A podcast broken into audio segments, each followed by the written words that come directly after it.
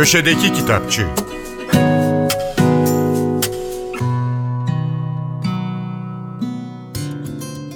Merhaba, ben Adnan Bostancıoğlu.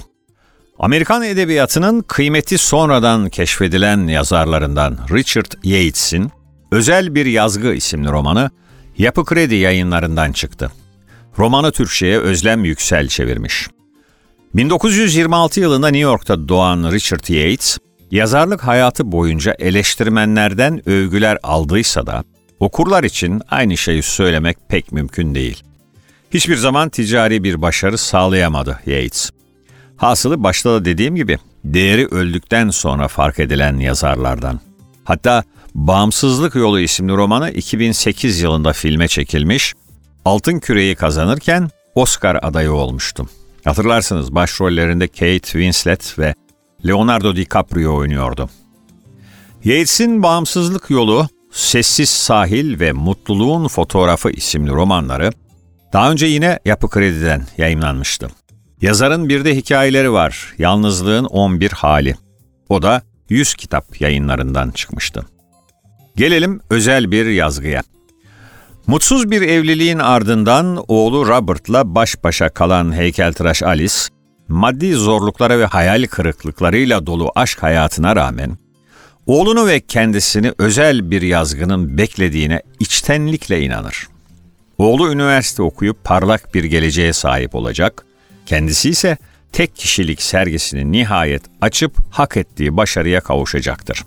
Ama Alice beş parasız kalınca 18 yaşındaki Robert hem ikisini geçindirebilmek hem de annesinin boğucu olabilen sevgisinden kaçmak için orduya yazılır ve İkinci Dünya Savaşı tüm şiddetiyle sürerken Avrupa'ya gönderilir.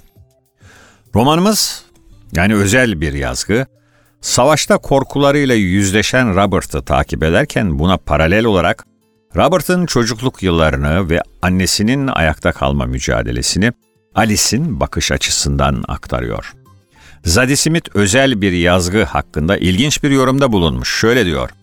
Tiffany'de kahvaltı ile Batı cephesinde yeni bir şey yok, bir araya gelmiş sanki. Bu romanı kısaca tarif etmek imkansız, okumaksa muhteşem. Ayfer Gürdal Ünal'ın küçük okurlar için yazdığı Denizlerin Can Dostu isimli hikaye Red House Kids yayınlarından çıktı. Hikayeyi Doğan Gençsoy resimlemiş. Ayfer Gürdal Ünal çocuk edebiyatı üzerine akademik çalışmaları olan bir yazar. Yüksek lisansını Boğaziçi Üniversitesi Türk Dili ve Edebiyatı bölümünde Türk çocuk edebiyatında engellilerin temsili teziyle yaptı. İlk çocuk kitabını 1996'da yayınlayan Ünal'ın 15 özgün eseri ve 3 çevirisi var. Ayrıca kendisi çocuk edebiyatının en önemli uluslararası ödülü olan Hans Christian Andersen ödülünün jürisinde yer aldı. Denizlerin Can Dostu, Ünal'ın daha önce yayınlanan Tırtıl Osman'ın Bir Günü isimli hikayesinden tanıdığımız Osman'ın yeni macerası. Yaz tatilinde Osman ve ablası Göcek'teki dayılarının evinde kalacaklar. Planlar yapılmış, heyecan dorukta. Osman'ın beklentisi dalgıç dayısının onu su altı dünyasıyla tanıştırması.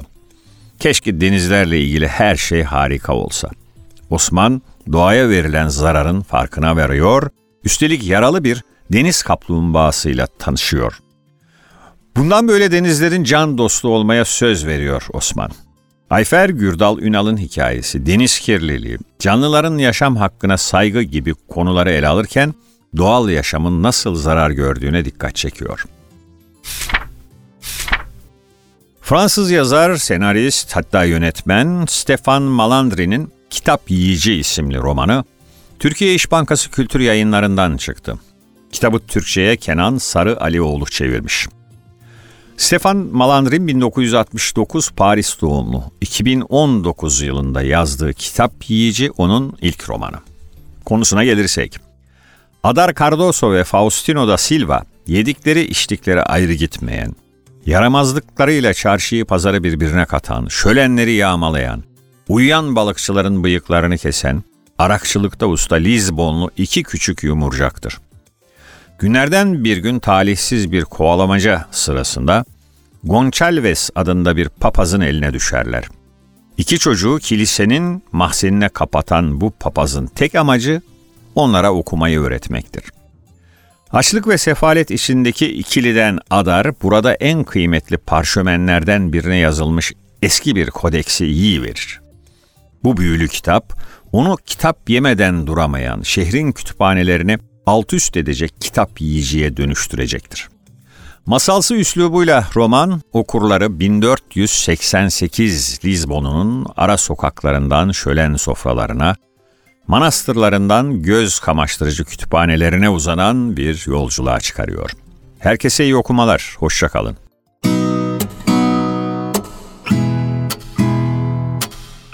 Köşedeki Kitapçı